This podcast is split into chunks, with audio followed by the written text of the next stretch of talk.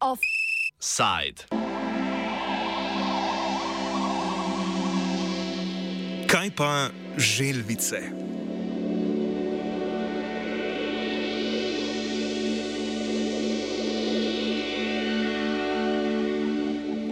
Delegati članic Združenih narodov so na konferenci o morski biotski raznovrstnosti območij izven nacionalnih jurisdikcij v New Yorku prišli do konsenza glede sporazuma za zaščito oceanov. Po več kot 15 letih razprave je predsednica konference Rena Lee z besedami, da je ladja pristala, sporočila, da so se vsi prisotni delegati dogovorili o končnem besedilu sporazuma. Združeni narodi sporazum predstavljajo kot enega glavnih elementov strategije za doseganje cilja zaščite 30 odstotkov kopnega in oceanov do leta 2030. Pobudnica sporazuma je bila Kitajska. O cilju znanem pod sloganom 30x30 so se načelno dogovorili lanskega decembra v kanadskem Montrealu.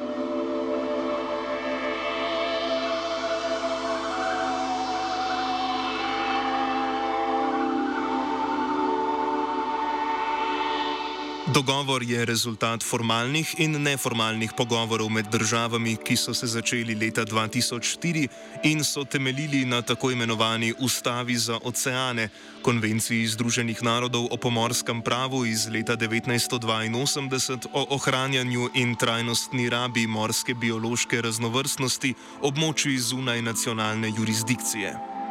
Govori Barbara Granda iz sektorja za mednarodno pravo zunanjega ministrstva, ki je bila na njujorških pogajanjih članica slovenske delegacije.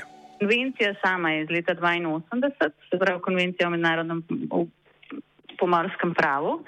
Eh, to pa bo šlo za, za izvedbeni sporazum oziroma uh, izvedbeni instrument te konvencije. Se pravi, gre za neke vrste nadgradnjo za področje morske biodiverzitete.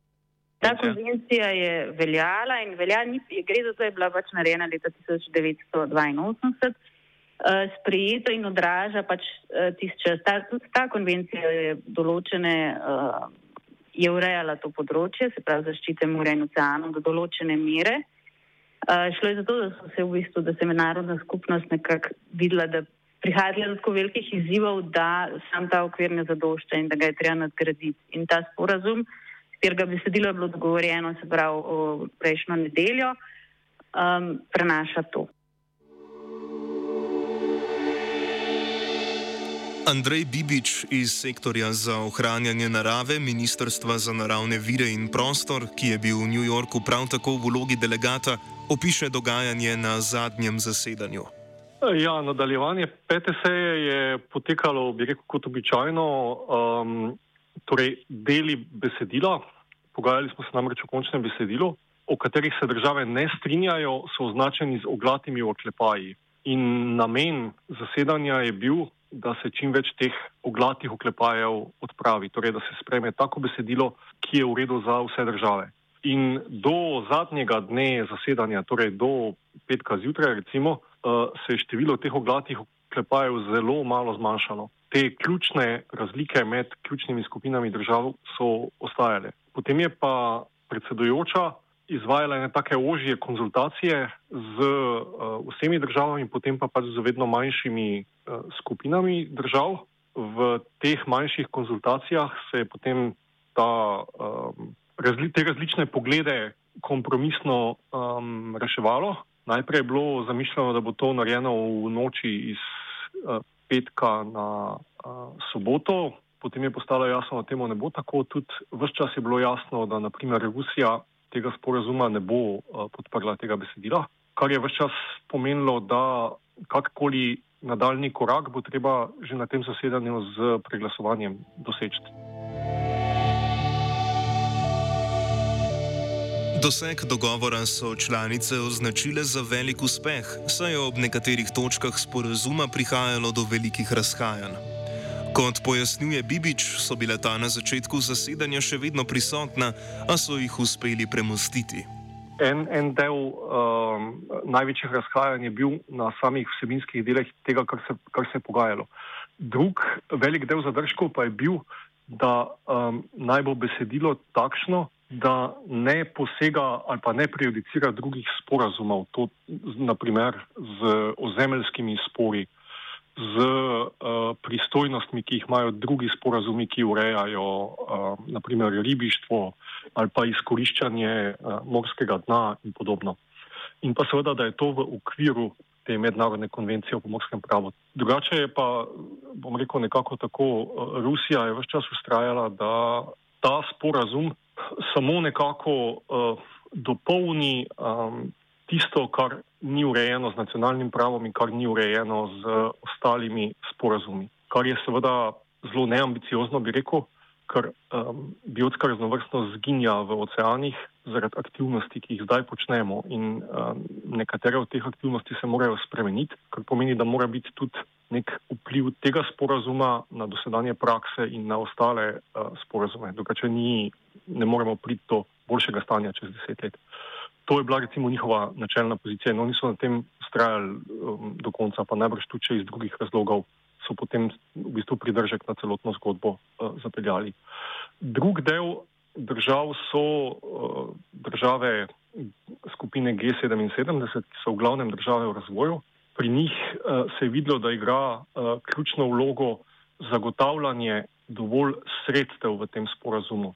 Oni se namreč imajo za skupino držav, ki ne bo mogla veliko koristi dobiti iz tudi izkoriščanja genskih virov a, na morju in eventualno recimo koristi, ki bi jih imeli v naprimer farmaciji, določenih prehranskih izdelkih in tako naprej. Zato so si želeli zagotoviti finančna sredstva za v prihodnje, za ohranjanje tudi morskih območij svojih, pa tudi samo, da bodo lahko pač svoje kapacitete za ohranjanje biotske raznovrstnosti večali.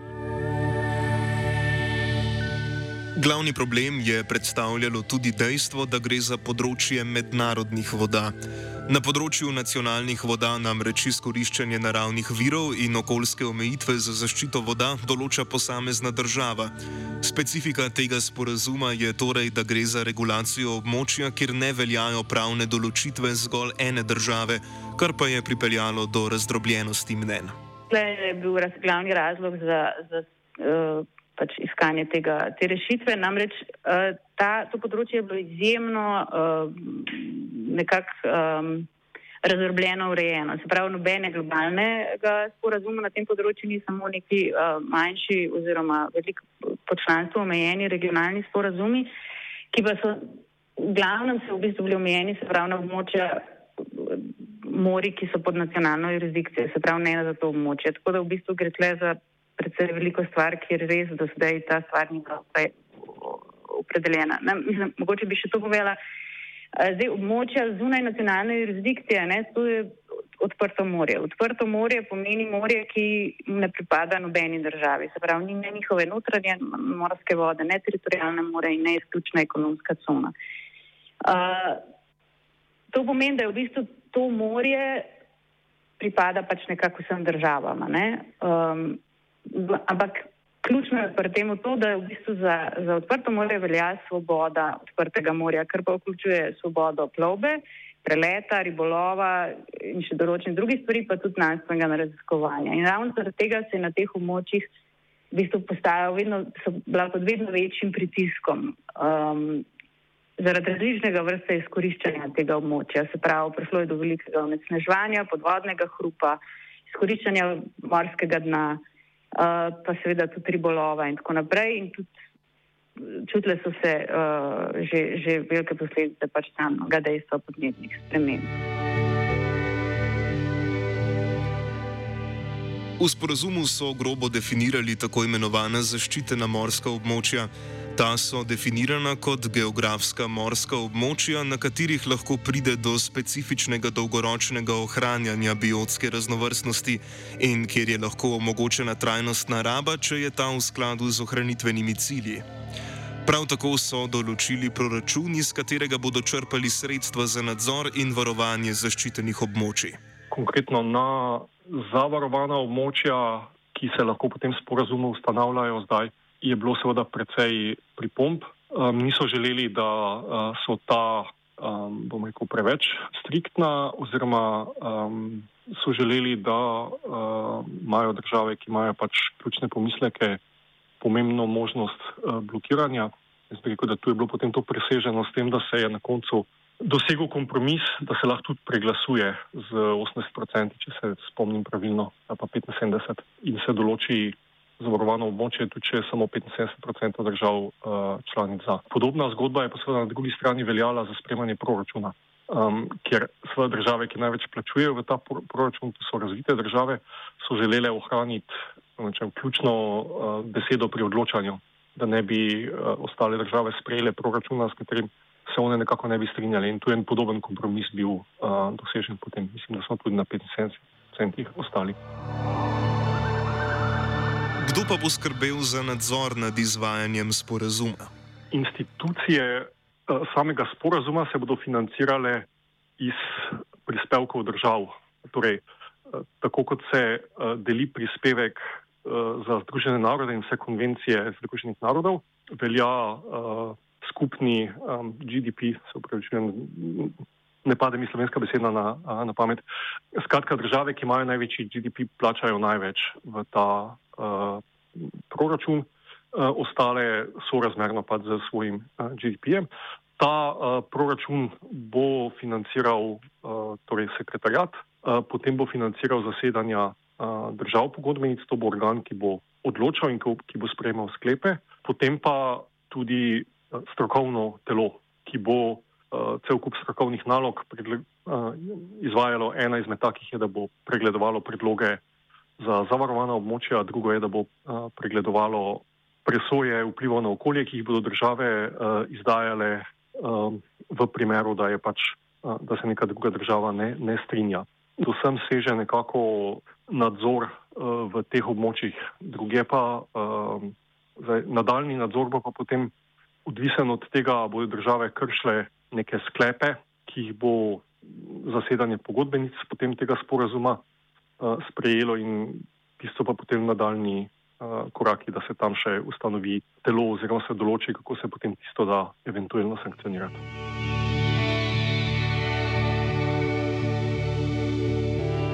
Kot pojasnjuje Granda, pa zavarovana morska območja niso popolnoma definirana. Gre zgolj za nekakšne ambicije mednarodne skupnosti, sprejet dogovor pa igra predvsem vlogo orodja za doseganje teh ambicij. Porazum sam v bistvu tega še, še ne določa, samo daje možnost, da se to naredi. Se pa razume, da je to v bistvu tudi del, uh, se pravi, zaveze, ki so si jo zadale države v okviru globalnega biodiverzitetnega dogovora, da se do leta 2030 zaščiti 30 odstotkov kopnega in mori. In tudi ta sporazum se razume kot en uh, močno urodje, da bi se to dejansko lahko tudi doseglo.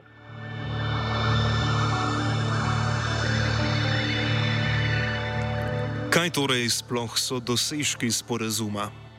Glavne rešitve, ki jih prinaša, je to, da prinaša pač predvsem pravila glede raziskovanja in uporabe morskih genskih verov in delitev morebitnih koristi, ki bi pri tem lahko nastajale prinaša instrumente za ustanavljanje teh uh, varovanih območij na odprtem morju, prinaša pravila za izvajanje presoj spremljivosti za aktivnosti na teh območjih in um, za aktivnosti, ki lahko škodujejo biotski raznovrstnosti. Uh, določa tudi ukrepe za krepitev zmogljivosti, zlasti za države uh, v razvoju, in določa tudi, kako bi se to financirali. Ustanavlja pa seveda tudi vse organe, ki bodo potrebni za to, da se bo ta sporazum tudi izvajal.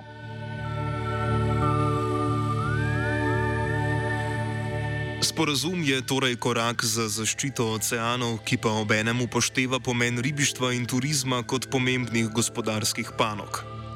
Po sporazumu se določila o izkoriščanju genskega morskega materijala ne nanašajo na ribolov. Prav industrijski ribolov pa je eden glavnih dejavnikov človeškega uničevanja oceanov.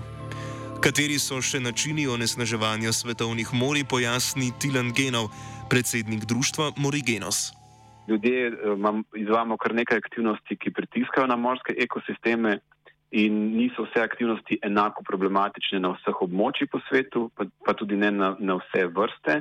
Ampak generalno gledano, če posplošim, so nekateri izmed glavnih težav uh, prekomerni eh, izlov uh, ribolovnih virov, potem uh, zapletanje različnih organizmov, različnih živali v ribolovna orodja, potem podvodni hrup, povezan predvsem z ladijskim prometom, industrijo, iskanjem nafte in podobno. Potem imamo zadeve, kot so turizem, ki na nekaterih območjih izredno pritiskajo na morske ekosisteme. Potem imamo kemično onesnaženje in pa dan danes zelo pereče tudi fizično oziroma mehansko onesnaženje, uh, predvsem s plastiko.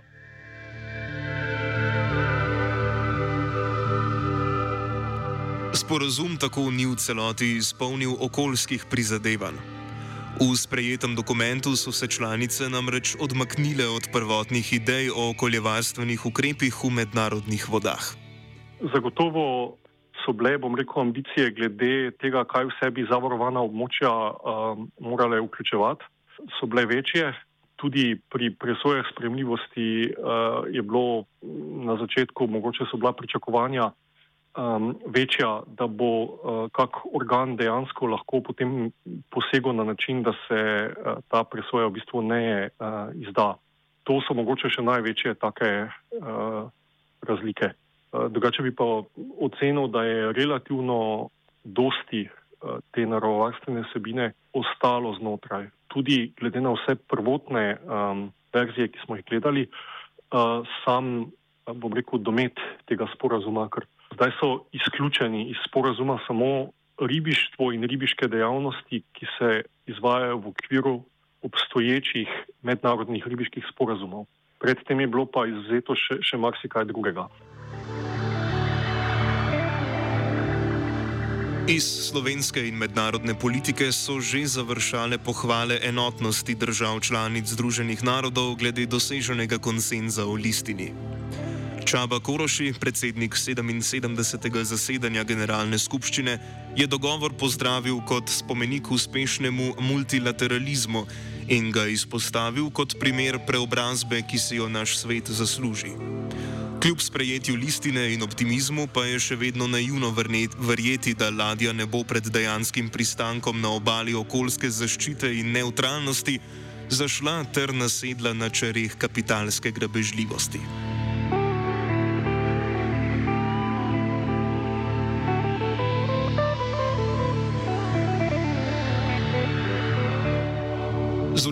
Da na dan žena nista pisala o dotični temi, ter z najlepšimi željami za vse, ki vas praznik zadeva, sva offside spisala vajenec Filip in Tija.